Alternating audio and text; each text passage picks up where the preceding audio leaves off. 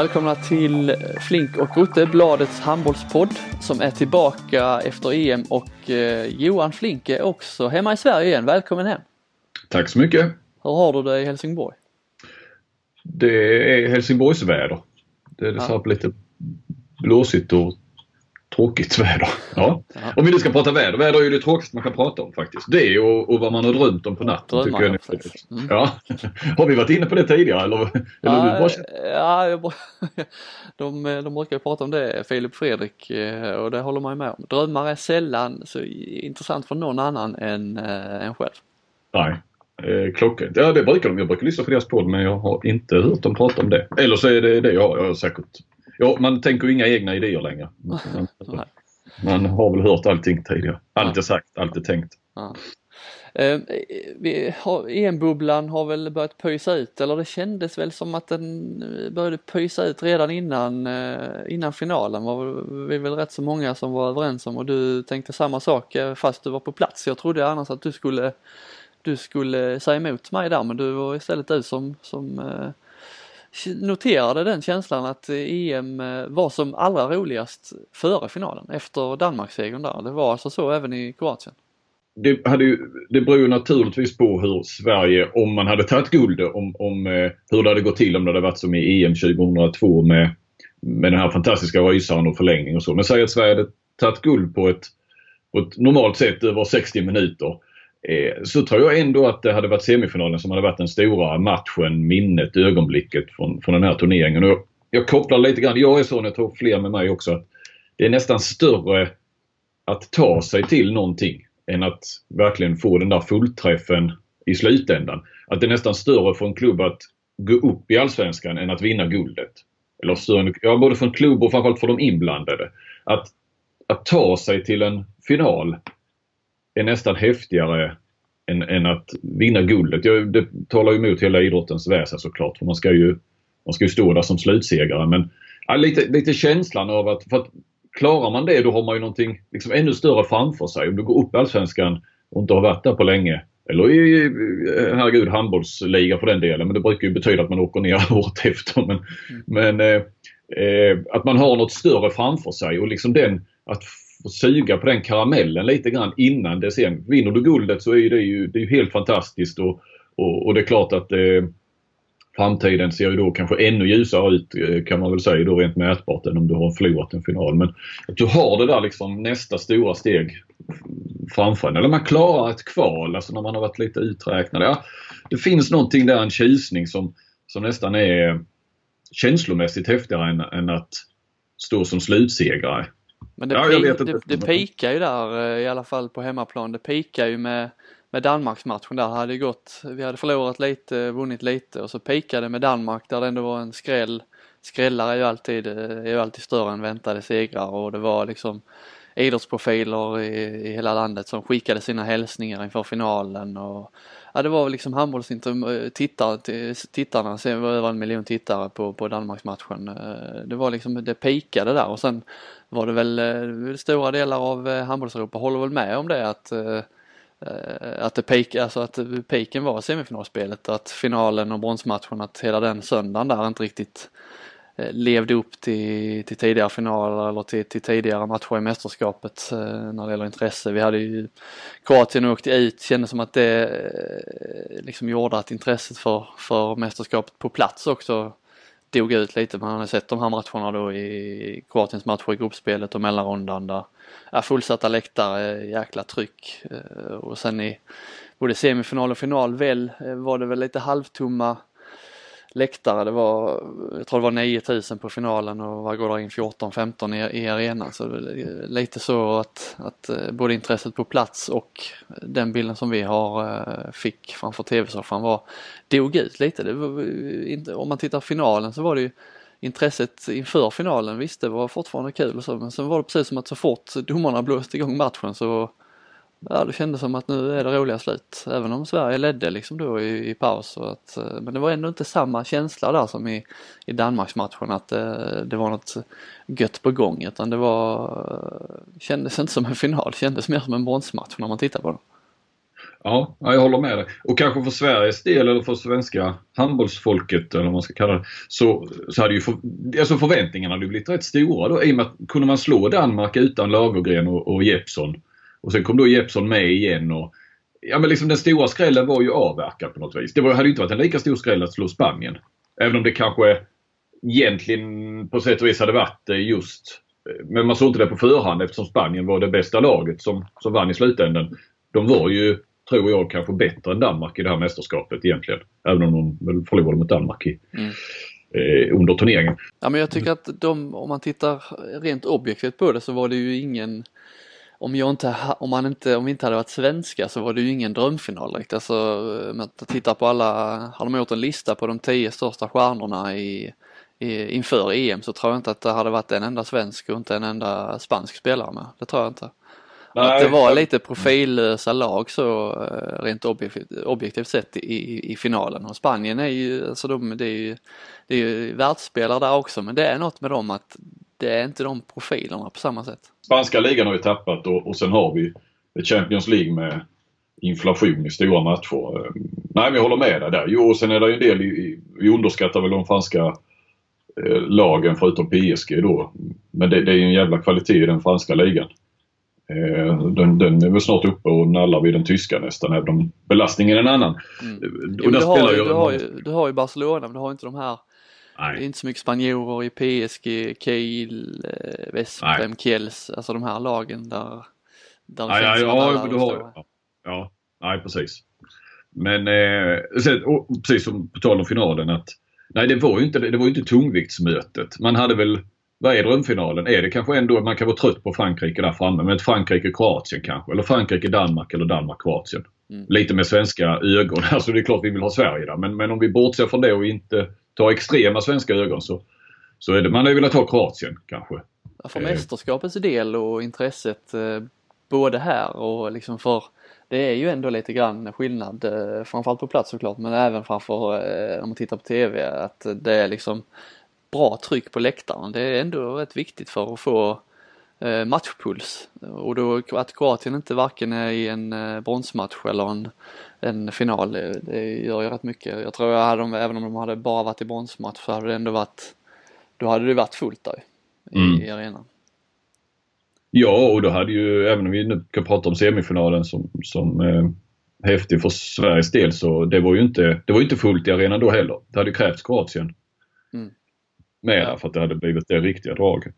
Men eh, på tal bara om bronsmatchen så, så måste vi väl eh, lyfta Nikola Karabatic. Att efter alla de finalerna och gulden och åldern och eh, hur många är det nu? Det är 60-61 EM-matcher. Det var som för som sa, han har spelat fler EM-matcher än vad jag har spelat landskamper. Mm. Eh, att ändå gå in och vara bronsmatchens bästa spelare. Det är ganska av, nu, Jag tittade med, med lite ett öga på, på förbereda för finalen. Men det, det, är ju lite avslaget. Det ser man ju i, i duellerna och, och eh, vad heter han, Abalou. Han sprang mest runt med ett stort leende. Mm. Ja men det är ju så... det, det är ett sånt, det är en sån match man tänker att eh, nu, får, nu får de bästa spelarna vila lite och så får de som inte har spelat så mycket tidigare i mästerskapet får de chansen att visa sig. Danmark var väl lite så, Hansen vilade, visst han hade lite skadeproblem men släppte in eh, Kirkelöck på, på högerny mm. och körde lite, körde lite så. Så man tänkte ju att eh, Karabatic, ja det blir nog inte så mycket speltid i bronsmatchen men då gjorde han väl en av sina bästa matcher nästan i, eh, ja. i hela EM.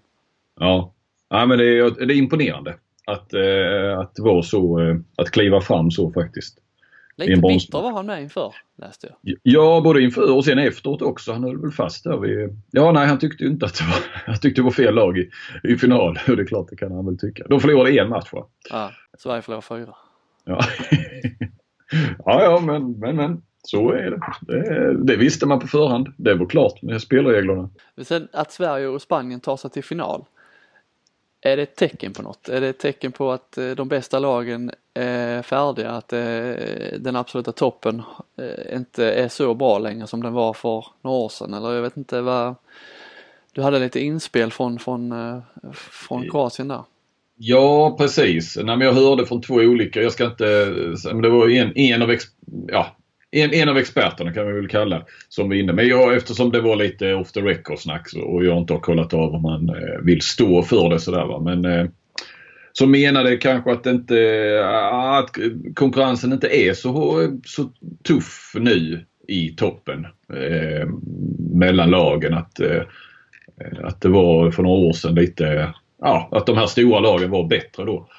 Eh, och, ja, jag vet inte var jag själv hamnar i detta. Å andra sidan så, så stod jag med, med Christian Andersson efter finalen och vi pratade om framtiden och jag var väl lite eh, jag drev väl lite grann som jag skrev i min eh, sån här slutsignalskrönika också att eh, det ser rätt ljust ut för Sverige om man tittar rent generationsmässigt. Eh, Sveriges generationsväxling är genomförd.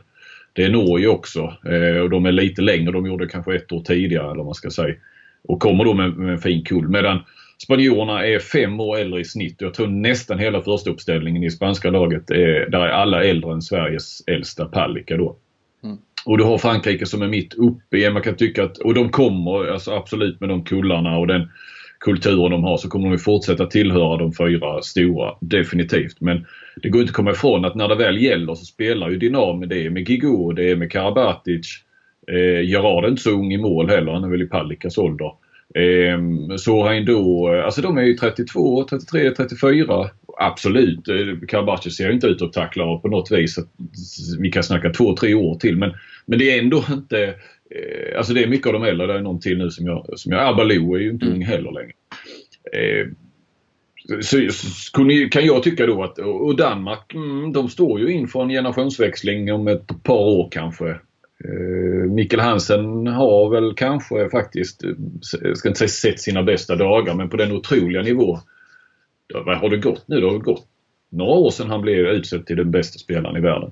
Det känns som att både han och Karabatic har fått lite andra roller i sina lag. Innan var de de här som mm. gjorde den rollen som Sagosen har i Norge nu. Att de är de här som gör 10 mål i varje match. Men eh, framförallt Karabatic har ju eh, liksom tagit någon slags allt i allo-roll där han, där han eh, inte bara spelar för sig själv utan att han eh, verkligen bygger upp laget mer assist, eh, drar på sig folk så att andra, andra spelare och lite Hansen också den, inte heller den här superskytten, även om han fortfarande är en superskytt så är han inte den här som gör de här 10-12 målen i, om man bortser från, från mm. semin då mot, mot Sverige där han behövde göra dem.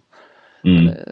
Så att det kanske, annars kan man ju se det som på två olika sätt när både Danmark och Frankrike var som allra bäst, som de kanske inte är längre på samma sätt, så har ju konkurrensen är mycket tuffare. Så även om kvaliteten på den absoluta toppen kanske har sjunkit, jag vet inte, så är ju det är ju tuffare konkurrens. Det är fler lag som är utmanar nu än bara, bara räcker om man kollar två, tre år tillbaka så, så kunde man ju liksom säga eh, fyra, fem lag som skulle kunna vinna EM eller VM. Men nu är det ju egentligen alla lag i, i mellanrundan hade de gått in med samma förutsättningar så hade man ju lika många poäng så, så hade man inte kunnat säga direkt så. Alltså det, då hade de flesta lagen hade ju kunnat gå vidare då ju.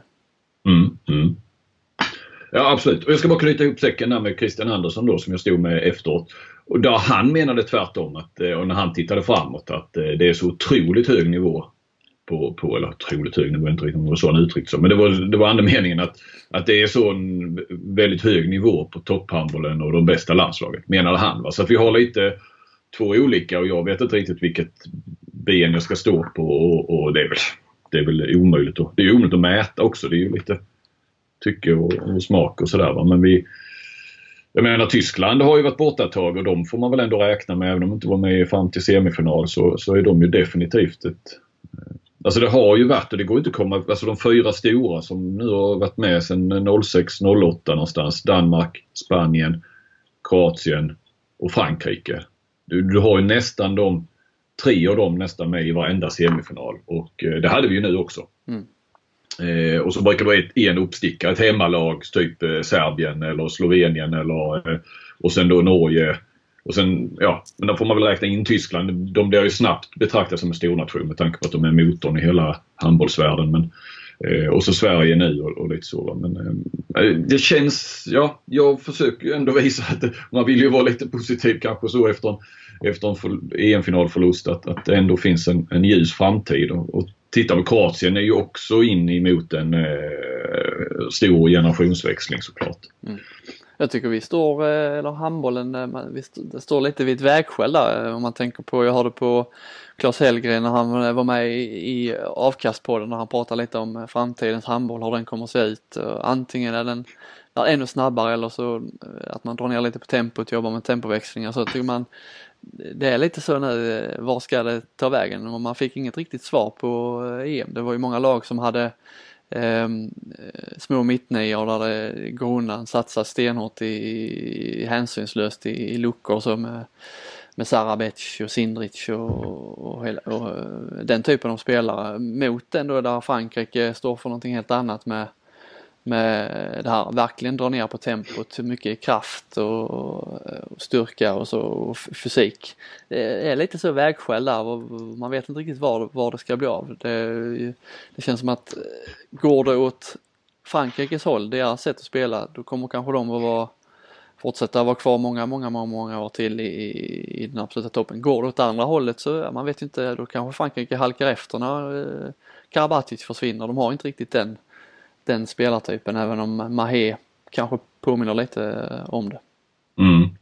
Men det är kul ändå att se de här. Det är ju roligare för att det objektiva ögat att se de här Sindrich, Sarbec typerna. Den typen av handboll där det liksom dras upp, dras upp tempo. Absolut. Sen kan man ju också se det lite här nu med Spanien. Det är ju väldigt imponerande då. Nu, nu har ju tröskats då deras eh, försvarsspel och, och, hur de ställde om. Och och också, jag vet Bokvist eh, pratade med honom före finalen också och kom in på deras försvar. Eh, han sa att eh, vi har mycket att lära av deras försvar. Han gillar det här att det inte är, det är inte brutalt och så fysiskt utan det är smart. Och det är inte statiskt heller. Det är inte så, man spelar inte 6-0 eller 5-1 eller 3-2-1 i, i 60 minuter utan man ändrar lite efterhand för att förstöra för motståndarna så inte de kommer in i någon rytm direkt så. Det gillar man ju också. Det, men det är ju lite Eh, Eh, där känner man ju ändå att Sverige, Andersson är lite den typen av tränare som eh, aldrig har varit rädd för det. Sen kanske det behövs mer tid för att träna in fler alternativ bakåt men eh, det känns inte som en omöjlighet att Sverige också skulle kunna bli, ja som Bokvist sa, lära sig av Spanien och bli lite av eh, den typen av lag.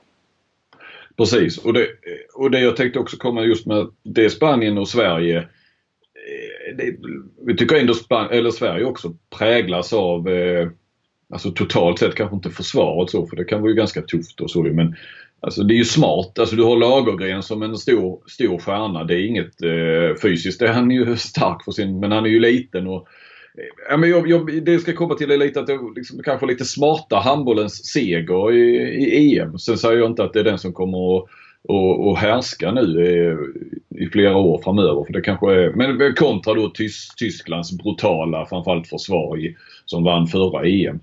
Eh, och sen har du där mellan Frankrike också som kan vara rätt så brutalt. Det var ju så de byggde det en gång i tiden, sin storhetstid får man väl lov att säga. Men ja, jag kan gilla det här att det smarta. Eh, jag tycker ändå Sverige, man kan räkna in Sverige där. Det är inte några jättar så eh, riktigt. Alltså Nilsson och Pettersson är ju stora men, men Darj är ju inte Sen är han ju rivig och så. Eh, kanske mer, mer, mer rivig än, än känd för att vara den, den stora, den smarte eh, försvararen. Men, eh, ja, nej men jag tror du, eller, ja, ja, jag, förstår vad jag menar. Jag är med dig. Du, ja, det är bra.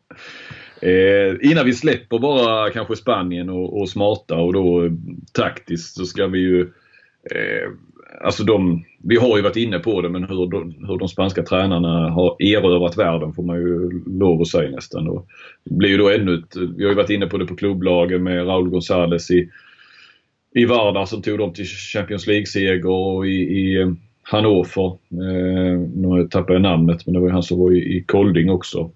Eh, och, men tittar vi nu på landslag så har vi Tunisien vann Afrikanska mästerskapen med Tony Gerona heter han. Jag känner inte till eh, så mycket om honom. Men utsågs i somras då till, till ny förbundskapten. Eh, Asiatiska vann Qatar med Rivera är kvar där. EM vann så Spanien med, med han som varit i, i Brasilien tidigare, Ribera heter han.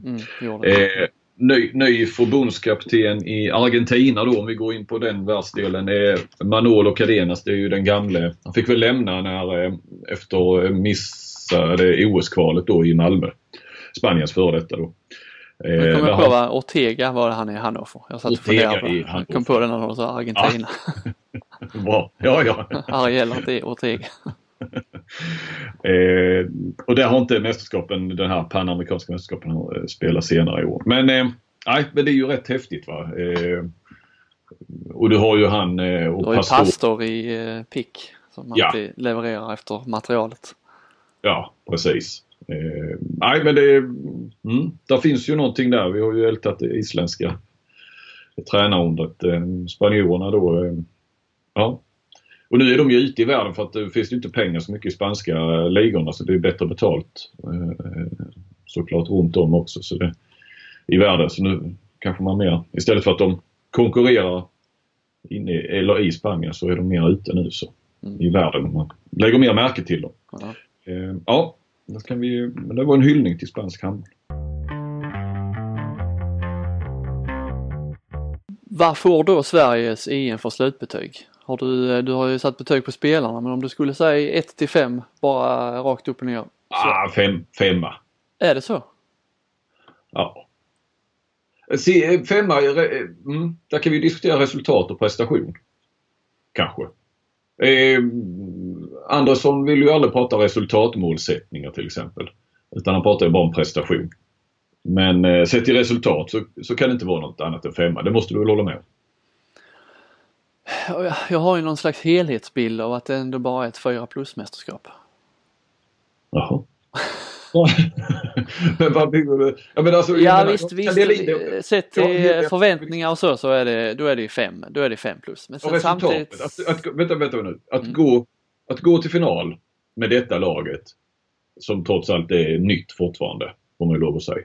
Det måste väl vara en femma resultatmässigt, att bli tvåa i ett EM. Jag tycker man ska vara jävligt försiktig med de där femmorna. Vad hade hänt om de, vad hade, hänt om de hade vunnit? Då, skulle, då, är det, då är det fem plus. Fem plus, då ska man vinna. A lot can happen in three years, like a chatbot may be your new best friend. But what won't change? Needing health insurance. United Healthcare Tri Term Medical Plans, underwritten by Golden Rule Insurance Company, offer flexible, budget friendly coverage that lasts nearly three years in some states. Learn more at uh1.com. Ja, ja. Ja, ja, ja. ja jag, jag håller inte med dig. Sen kan vi diskutera prestationen där jag fortfarande tycker att de spelade på sätt och vis en bättre handboll i VM. Men, men det var ju lättare att göra det i VM för att motståndet var ju trots allt ett annat. Även om vi trodde att en del av de här Egypten som vi haft problem med och Qatar som då hade varit i, i final va? var det väl till och med i VM. Ja, mm. Bahrain var ju inte så bra heller. Och, Eh, Argentina var väl sämre kanske också än vad vi har sett dem. Eh, nej, eh, bara så sett så tyckte jag ändå att ja, prestationen eller om man nu ska handbollsmässigt så kändes det och det, det var ju lite grann nykommet och motståndarna hade inte så mycket koll. Nu, nu visste de Men om, du är in, om du är inne på prestationen så, så eller vad menar du? Att prestationen ja, var 5 plus eller att? Uh, nej, nej den är inte 5 plus eh, prestationen. Eh, där finns, liksom, det var ju flera spelare som, som inte kom upp i, i nivå och jag tyckte till exempel att eh, Jim Gottfridsson var bättre i VM. Om du bara går in individuellt. Alltså det finns ju ändå så pass eh, förbättringspotential. Så fick de ju ut max eh, någonstans i slutändan resultatmässigt. Ja, nu får du prata.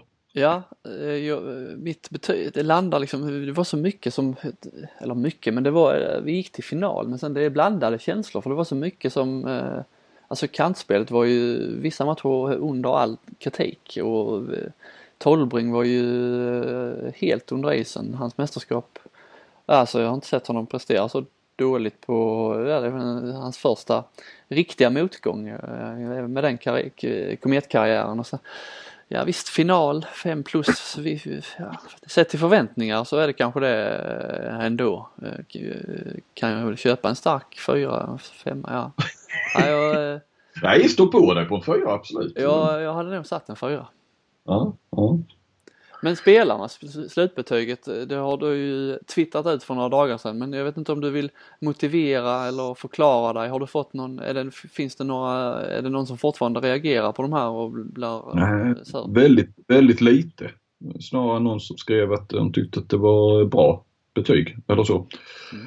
Eh, nej men vi, behöver inte gå igenom spelare för spelare men det som, jag satte ju, de som sticker ut kanske är väl intressanta jag tycker. Och de man kanske tvekade på lite och så om vi bara ska resonera kring det så kan du säga lite vad du tycker. Jag, jag satte ju femma på båda målvakterna. Eh, hade inte de varit så bra så hade ju Sverige aldrig varit i en semifinal. Då hade det ju då hade det nog varit slut kanske efter en eller två matcher i mellanrundan egentligen. Alltså i, i, i praktiken.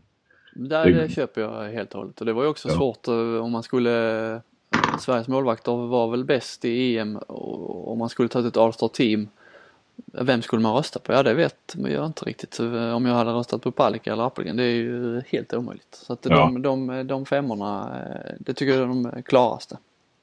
Ja, eh, det var ju också de enda femmorna jag satte. Förutom jag pillade ju dit en på, på Christian Andersson. Jag vet inte, folk är kanske trötta på att man hyllar, eller jag har ju hyllat honom och, eh, rakt igenom i EM kan man väl säga. Eh, Sen men, var det kanske eh, bara målvakterna jag tänkte på det här med mm. att de stod varannan match visade sig vara en, en, en, en riktig succétaktik. Men om det nu var bestämt från början, man eh, tolkade det nästan så eftersom det blev varannan match verkligen. Men, men man tolkar inte det så på förhand. Eh, att, de, att de, det var inte något uttalat att de skulle stå varannan match väl? Eh. Nej, nej, utan mer att vi kommer att ha nytta av båda och så vidare och, och, och alla så Appelgren som första målvakt. Men Palicka kommer att vara viktig och det är många matcher och hit och dit. Så att, eh, men, men, nej, jag bara tänkte och, och, och sen kan man ju tycka och, så, och de snackar ju om det blir ju ute efter motstånd och så men jag menar sånt flyt kan de väl inte haft så att varje motståndare passar perfekt att köra varannan match. Eh, tänk om de hade börjat tvärtom. Alltså börjat med, med den andra istället. Ja nu bytte de ju tidigt men eh, då hade det blivit helt fel. Säg att de hade börjat med jag ser, det var ju Palicka som började. Ja, Säg att de hade börjat med Appelgren. Och, och sen skulle då Palicka börjat nästa match. Sen är det ju lätt att byta va? men då hade det ju blivit, eh, ja, nej men. Eh. ja, det var väl lite brytpunkt eh, efter efter när Palicka kom in och gjorde succé, eller när Appelgren kom in mot Island och gjorde bra och sen var han bra mot, mot Serbien också. Det, det, efter den matchen, det var väl, kan jag tänka mig att det var Eh, kanske den enda gången de funderade riktigt på ska vi, om, eh, om Palicka verkligen skulle starta mot eh, Kroatien där när Appelgren hade varit, har mm. hoppat in mot Island, gjort det bra och varit bra mot, mot, mot Serbien. Men efter det så föll det sig väl naturligt att, att köra varandra. Jag har inte pratat med dem om det på det viset så just varför, varför det blev varannan match. Eller, jag, så att jag vet inte det men, men jag tror ju att Alltså då, jag tror att de de bestämde nog det egentligen innan EM. Om inget oförutsett inträffar så, så kör ni varannan match för, för så gör de i Rhein Att de kanske själva föreslagit det för att det är ju som sagt, det är ju lätt att byta då va? Men, men även om då Appelgren som sagt det kändes ju som att ja, men han kommer börja mot Kroatien och så får man se hur det går och sen så kommer det ändå vara, så är han etta tills, tills han är dålig och så får Palicka börja en match. Men nu kör de varannan och ja, känslan var, det var nog något de bestämde på förhand faktiskt. Ja. Jag utgick från det i alla fall. Och, och, i andra änden då, det var ju femmorna, så är det ju Tolbring satte jag en etta. Faktiskt en, nej jag satte en etta på Johan Jakobsson också. Som jag tyckte fram till han eh, lämnade då. Alltså han gjorde, visst han gjorde lite mål i några matcher men, men känns ändå som en besvikelse och, och tufft bakåt och så.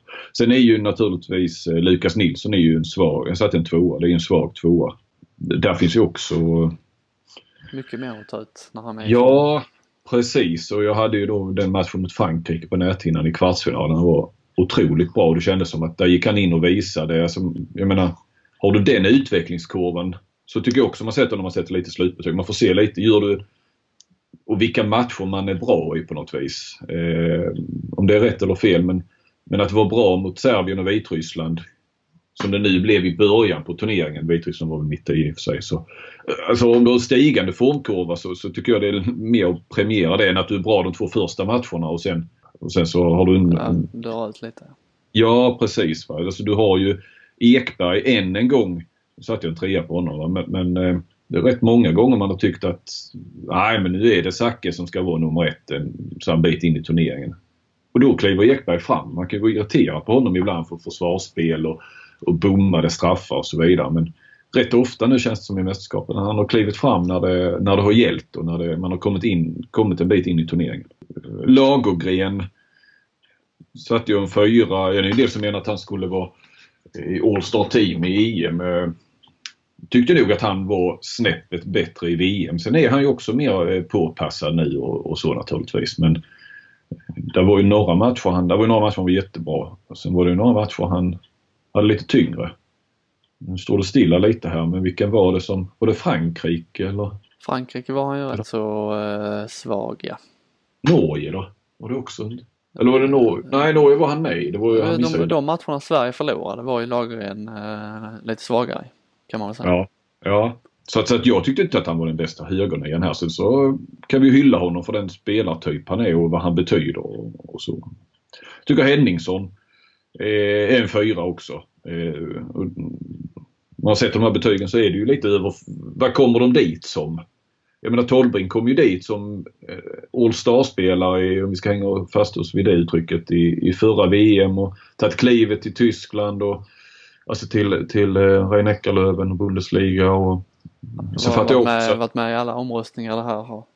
Eh, det är många, många olika omröstningar om världens bästa spelare och världens populäraste spelare men han brukar ju vara med på de listorna nu för tiden, Tolbring. Ja. Att, eh, Precis och då, då är det ju också, då ökar ju kraven. Medan Henningsson kom ju in som man hade ju ingen aning om vilka han skulle spela och han var ju den första av de här debutanterna som, som fick eh, rejält med speltid, även om det mest handlade om bakåt. Och gjorde det bra och till och med nästan växte lite grann och tryckte ju dit ett par mot Danmark. Och, och kliver man fram och är, är bra i Danmark och Kroatien när Sverige vinner och, och jäkligt bidragande, så det var ju två helt avgörande matcher, så, så tycker jag också det ska premieras. Vad tycker du om Gottfridsson som MVP då? Hela EMs MVP som han blev. Ja, av alla konstigheter i det där All Star-laget så köper jag ändå MVP. Eh, för att det var, vi hade pratat lite om det som att MVP om det står för bästa spelare i mästerskap men det gör det väl inte va? Det är väl most value, alltså mest nyttig för, för det egna laget och det kan jag väl köpa Gottfridsson, det har jag inga problem med faktiskt. I den senare definitionen ja. Ja precis. Att ja, för är... i detta EM tycker inte jag han är den bästa spelaren. Nej, nej, nej, långt nej. ifrån. Men jag tror ändå att ibland har du, alltså Karabatic har ju fått det där MVP rätt många gånger.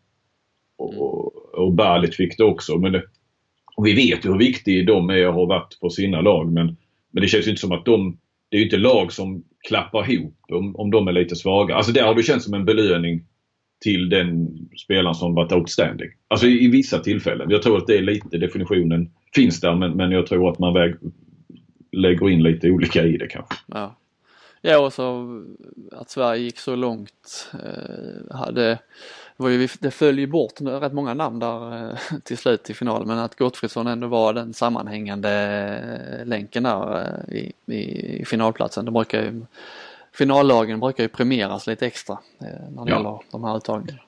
Jesper Nielsen på linjen tycker jag är lite...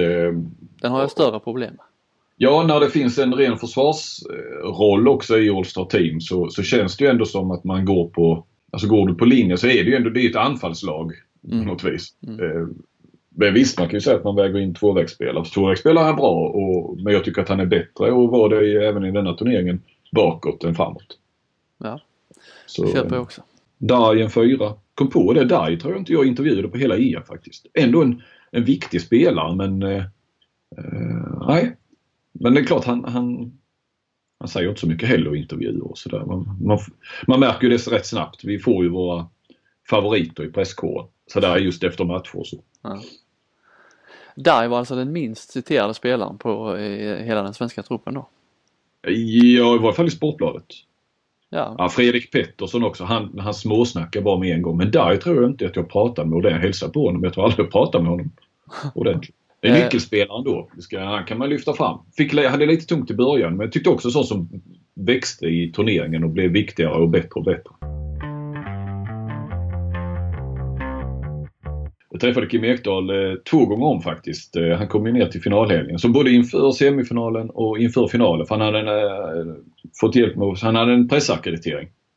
Eh, så han hängde lite där nere och vi, vi Hur fick han tag i en pressackreditering?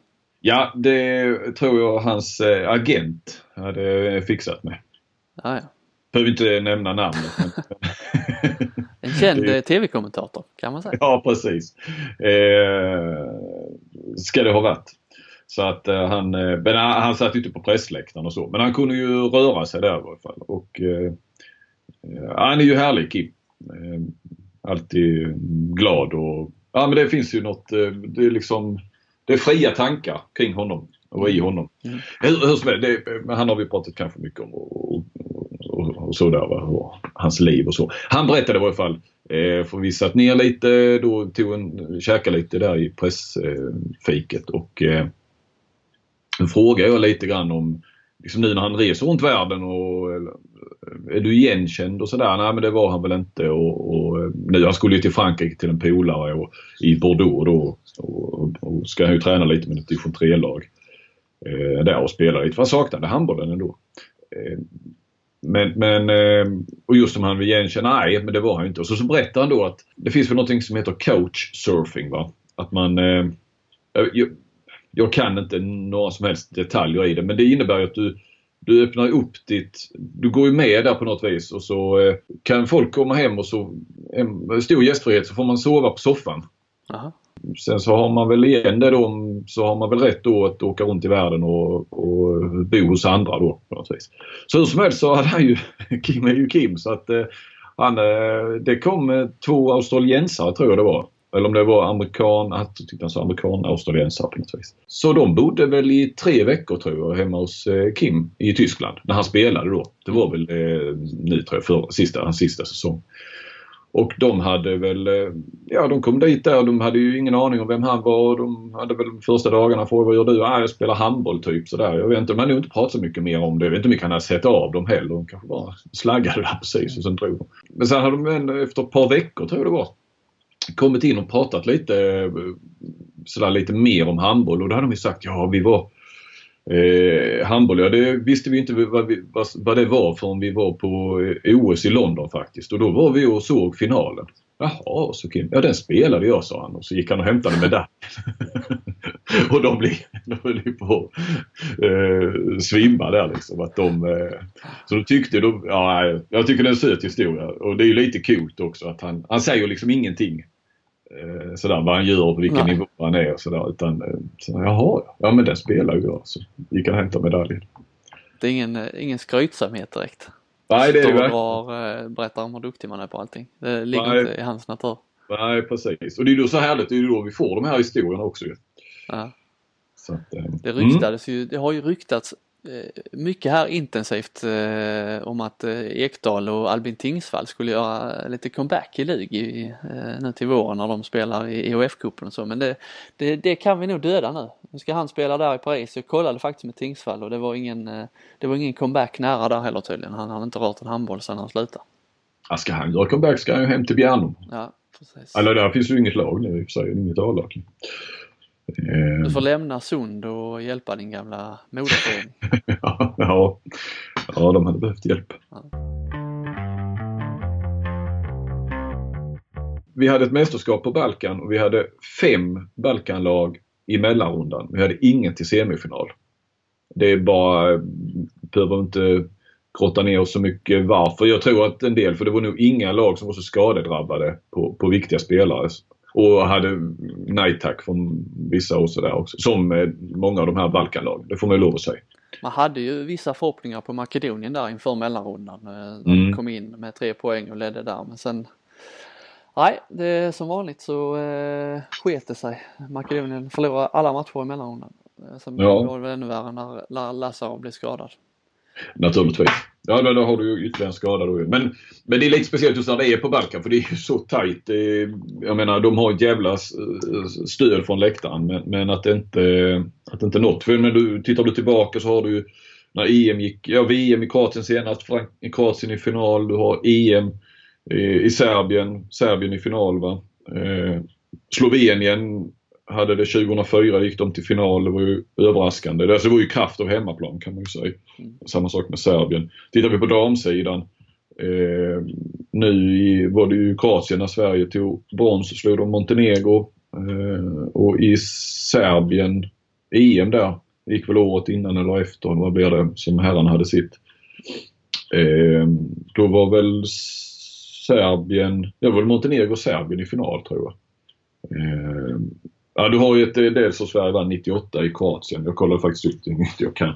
Eller var det 2000 var det kanske? Var det EM? Där var faktiskt inget Balkanlag heller. Men då var det ju bara eh, åtta lag, nej 12 lag med och så två gruppspel och så de två bästa semifinal. Då hade du bara två, två Balkanlag med, eh, Kroatien och Slovenien. Och de blev faktiskt trea i sin grupp så de var ju så nära det går att gå till semifinal.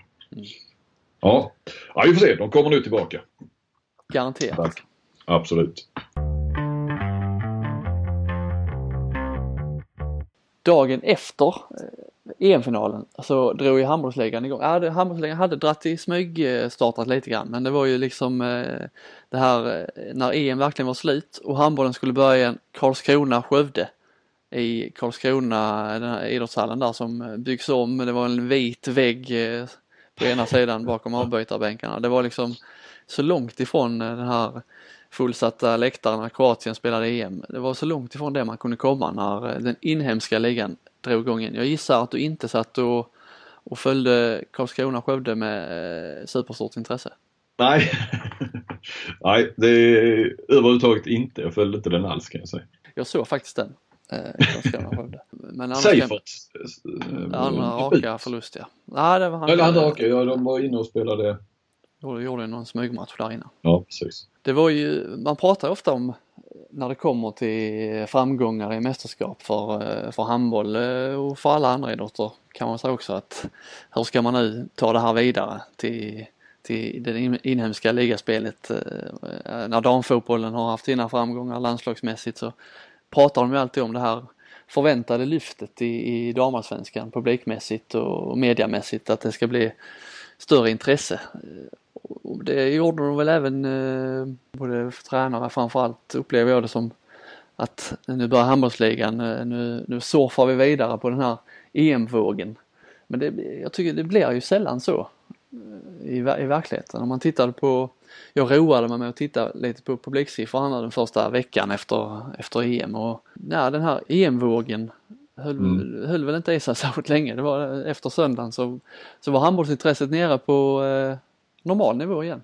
Tittar man på mm. de matcherna som spelas här i veckan så var det bara eh, Ja faktiskt Karlskrona, Skövde som det var något där det stack ut lite publikmässigt. De låg väl ungefär 300 eh, åskådare över sitt normala snitt. Annars så, annars så var det matcher RIK Guif under snittet, Sävehof, Rico under snittet, eh, OV Lugi lägre publiksiffror än snittet. Eh, Aranäs under sitt snitt när de mötte Malmö. Eh, Hammarby låg precis vid sitt snitt och eh, ja, det var Karlskrona som stack ut. Öysta IFK till och med ändå derby. Det var också bara precis över sitt snitt. Så att mm. Den här EM-effekten eh, kom inte jag den här tror, gången heller. Nej. Jag tror inte, jag tror att den väldigt sällan är omedelbar den effekten. Men jag tror med rätt jobb att det kan vara lite långsiktig effekt och då ska du ju helst fortsätta med, med att Sverige kanske tar sig till eh, medaljmatcher om vi nu tänker herrarna bara då, men gärna damerna också ju. Eh, I nästa mästerskap också, att, att det blir lite så. Men då tror jag man kan möjligtvis få en lite mer långsiktig effekt på det viset att jag såg bara nu när vi eh, eh grabbens eh, fotbollsträning nu så har vi en dag i, i veckan kör vi inomhus. Mm. Och eh, helt plötsligt, och det är ju ett gäng som, som spelar handboll eh, av dem. Alltså de är en, eh, sex stycken tror jag.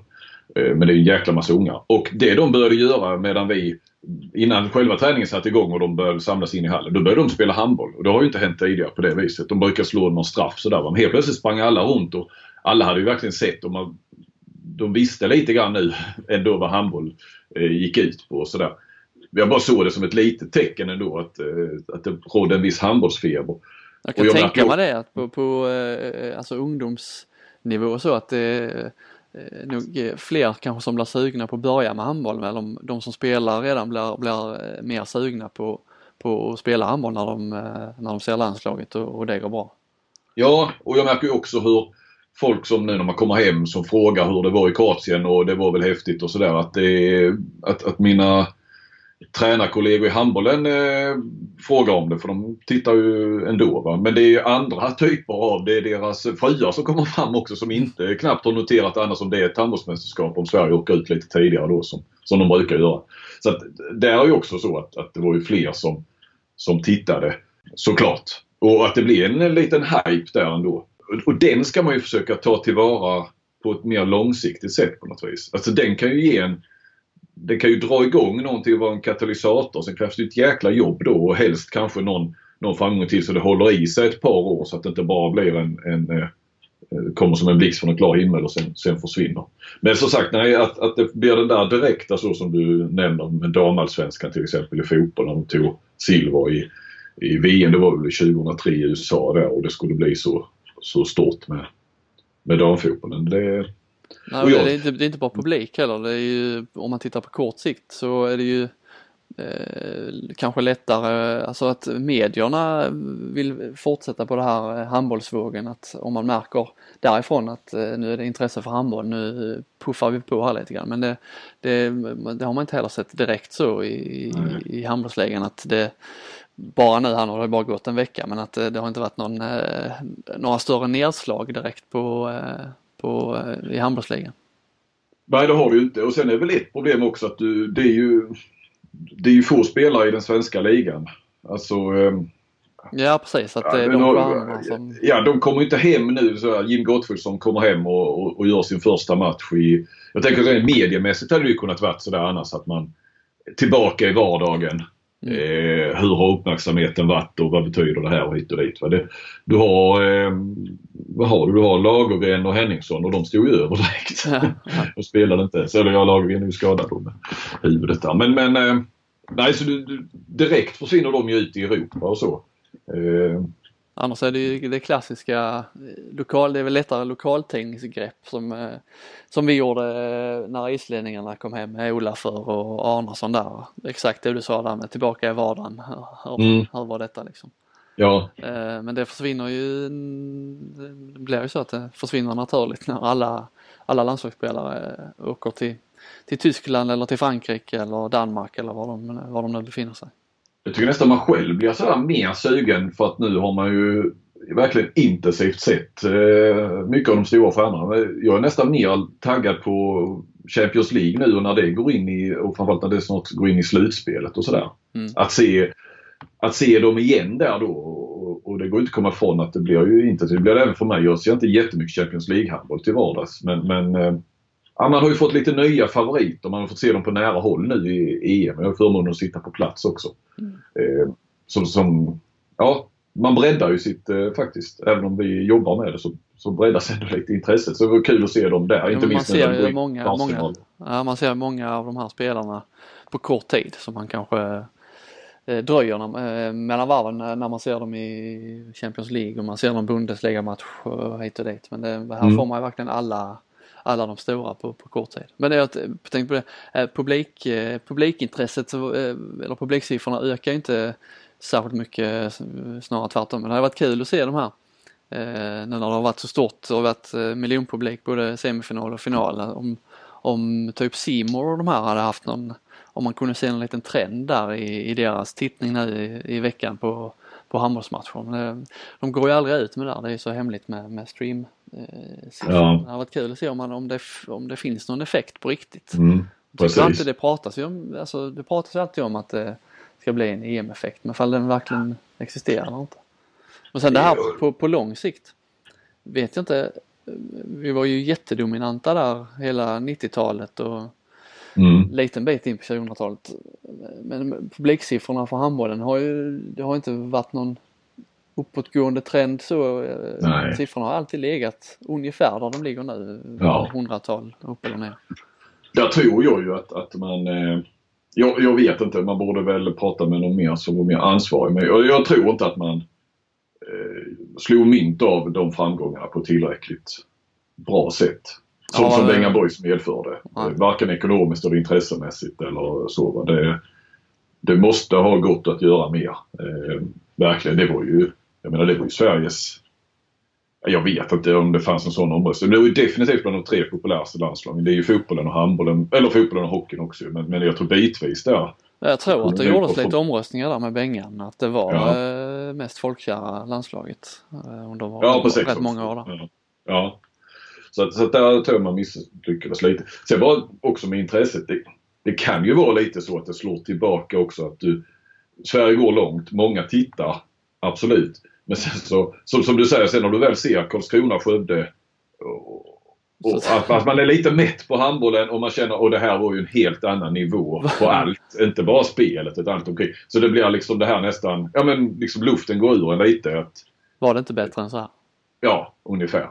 Men det är ju, men det, är ju det mest givna man tänker på där om man skulle kunna maximera. Det är ju det här med Eh, verkligen profilera sina spelare men det är mer svårt. Det blir ju svårt när de inte är, eh, liksom, när det inte är så många som spelar, spelar på hemmaplan. Jag, jag, jag kan inte, jag har ändå funderat på det det, det finns ju inget så tydligt direkt som vi, nu är inte vår roll så men eh, där man kan peka det här borde klubbarna eller eh, Svenska Elithandboll då göra bättre för att verkligen dra nytta av de här mästerskapet? Nej, för det borde ju vi. Vi sitter här nu och gnäller lite. Ja. Vi kan ju komma med lite konstruktiv kritik egentligen. Men, men det, nej, så långt har vi inte. Vi har inte haft någon konferens kring detta. Vi har inte åkt till, kanske skulle åka till Ystad, Ystad Saltsjöbaden du och jag för alla pengar som Polen drar in.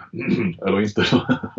eh, för det är, ändå, det är ändå anmärkningsvärt att det är så stort, alltså när det är så många man ser på Twitter och man ser eh, i medier och så, att det är så många stora idrottsprofiler i andra idrotter som engagerar sig och som tittar och man eh, ser tv, man ser på, eh, siffrorna då på antal tv-tittare och så här, att det finns eh, när det verkligen gäller, när det verkligen, när det verkligen går bra så är ju, finns ju ändå handbollsintresset där på något sätt. Att det ligger liksom och gror någonstans att det finns, finns att ta av och sen när det väl händer så blir det ståpublik men sen att, att inte, man, man inte lyckas liksom hålla i det intresset. Nej. Nej. Men det är ju en fantastisk tv-sport också, vi ska inte glömma det. Jag gillade ju Albin Ekdal skrev väl efter Danmarksmatchen. Vilken seger eller något sånt där. All nervositets moder menar han, handboll. Ja, ja. Men Benga Boys, det tänkte jag också på. Eh, de var, ja, folkkära landslag eh, var, var vi inne på där. Att det, om det här landslaget har potential och, och eh, säg att vi nu lyckas, vi tar lite medaljer eh, framöver, att man, om, man, om det finns potential att bli samma typ av folkkära landslag som, eh, som Bengan hade. Om, man, om det finns de egenskaperna i det här laget. Ja. Och apropå det så har mm. jag, vi har ju pratat lite förra gången om eh, Andersson där. Eh, du skrev en rätt så eh, igenkännande krönika tycker jag med många bitar för plats där. Han har ju ingen riktig eh, svaghet. Han är lagbyggare men taktiker. Alltså att han har, han har allt. Mm. Lite... Ja precis, så, som tränare ja. ja. Men du har hittat något, eller hur? Känns det som nu. Ja men kanske är han inte eh, en Bengan.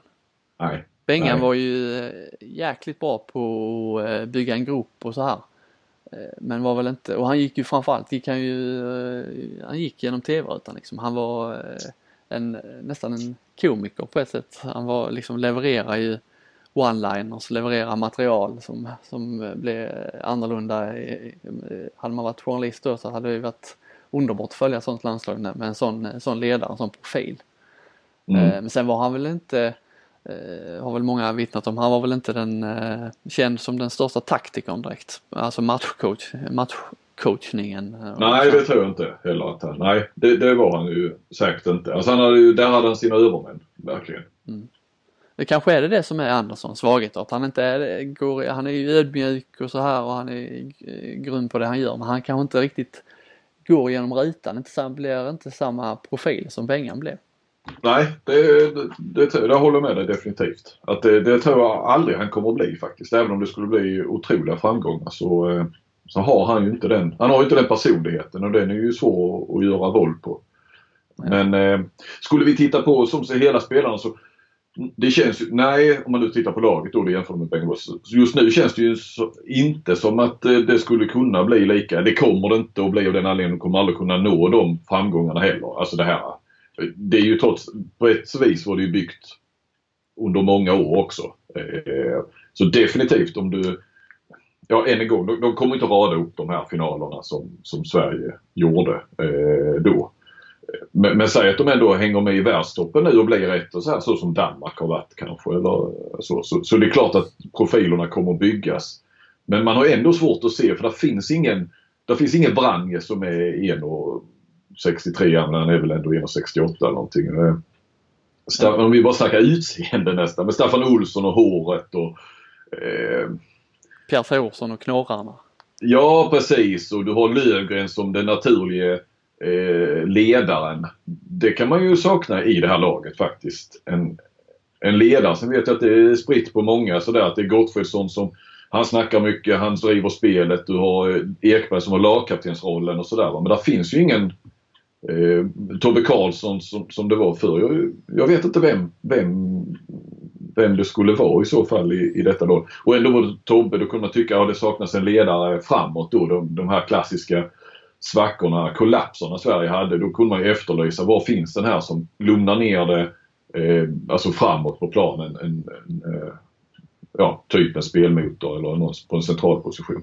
Det, det, Tobbe Karlsson fanns det bakåt då men, men eh, Ja, men det fanns inte, det, eller det, det, inte än så länge finns det inte sådana, om det är någon som är lite lagom handbollsintresserad så eh, eh, om jag frågar eh, Staffan Olsson, vet du vem det är? Ja det är han med håret. Eh, Vranjes, ja. ja det är han en lille. Eh, Pettersson, ja. det är han med knorrarna. Eh, Wislander, ja slangen. Alltså ja. sådana. Om, du skulle, om jag skulle säga eh, Gottfridsson, vad skulle du säga då? Det är han med... Ja, ja det är rödhårig då, ja. Eller eh, Niklas Ekberg, han med upphoppet. Ja, nej, det, det, det är inga sådana tydliga eh, om man går utanför de... det rent handbollsmässiga så är det inte, inte sådana tydliga profiler. Liksom. Men är de kvar tillräckligt länge så tror jag nog att vi i media i fall kommer att mejsla ut en del ändå. Lite grann. Det, det kommer nog men det, det, känns svårt att det skulle bli lika stora profiler som, som Bengan Boys. Max Dai, det är han som är arg. Det, det, det, det funkar. Ja precis men den som är den som är arg är ju Gottfridsson alltid. Alltså, när han kommer ut så är han alltid förbannad på någonting. Det kvittar om de har vunnit eller någonting. Han är ju sällan sådär. Alltså det är alltid någonting han har retat sig på. Han är lite småirriterad på. Ja, han sprudlar aldrig. Nej, nej. Eh, så, så, att eh, Nej och Max Darjo är arg men han är ju, eh, det finns ju inget temperament i honom när du pratar med honom eller så. Han är ju väldigt eh, nästan försynt sådär. Inte som Lagergren kanske men, men ändå. Eh, man kan prata för sig det kan man men det är inte Ah, jag vet inte. Nej, än så länge. Eh, Appelgren är väl ändå en... Ja, där är med en med håret. Ja, med, med håret och den här glädjespridaren och, och det var som min sambo sa intervjuer så han är ju kvitt om att förlorat, han är ju alltid glad. Ja. Eh, där har du väl en nog tror jag. Som, han är ju en, han är ju en profil som jag tror ändå folk kan så, peka ut. Han var väl den enda som var log efter eh, finalförlusten. Ja, ja. Och jag tror inte det handlar inte om att inte han vill, eh, att han vill vinna mindre än de andra eller någonting sånt. Absolut inte. Utan han är nog bara, han är nog nöjd med livet liksom. Han, ja. han ser det, ja, och det, ja. det är gött, gött med ett EM-silver. Ja. Det, det, är bara idrott. Ja precis. Det är bara du som är missnöjd som inte tycker att det är 5 plus med ett EM-silver för det här laget. Ja. Annars har vi ju nu när, du, när det är efter, efter EM och du har inget att räkna på längre. Jag läste eh, apropå mellanrunder och, och, och, svårigheter att hänga med i systemen så läste jag Marcus Leifbys nedslag i division 1-hockeyn. Om eh, alla olika kvalsystem. Jag försöker själv sätta mig in i det där. Kristianstad leder ju allettan södra som det heter nu och det ska ju då kvalas upp till allsvenskan på något sätt där det är eh, playoff-kval och playoff-finaler och kvalserier och där eh, de från allettan kan eventuellt möta från ett lag från vanliga division 1 för att eventuellt slåss om en plats till en kvalserie till allsvenskan. Och, ja, det, ja, alltså, har tappat mig men ja, ja. Ja, ja men jag tänkte du, det kan väl vara utmanande för dig nu när du inte har något att göra innan du ska till OS. Du har väl en vecka här hemma nu?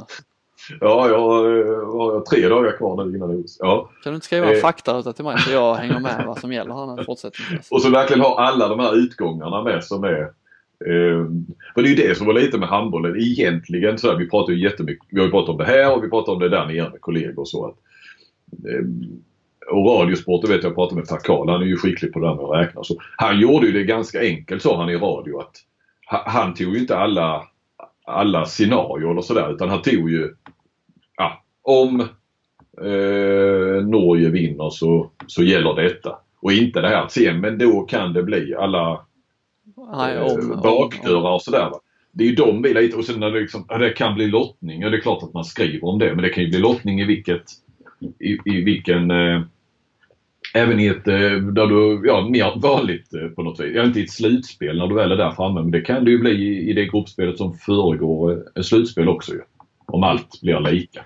Så, så det är väl lite bara det där och, och jag känner man måste ju redovisa, har man text så kan du ju redovisa alltihopa då i en faktaut. För du får ju de där frågorna så det är lite för att förekomma dem. Och så sitter ju folk hemma och räknar också och tycker att de har kommit på den den geniala utgången där.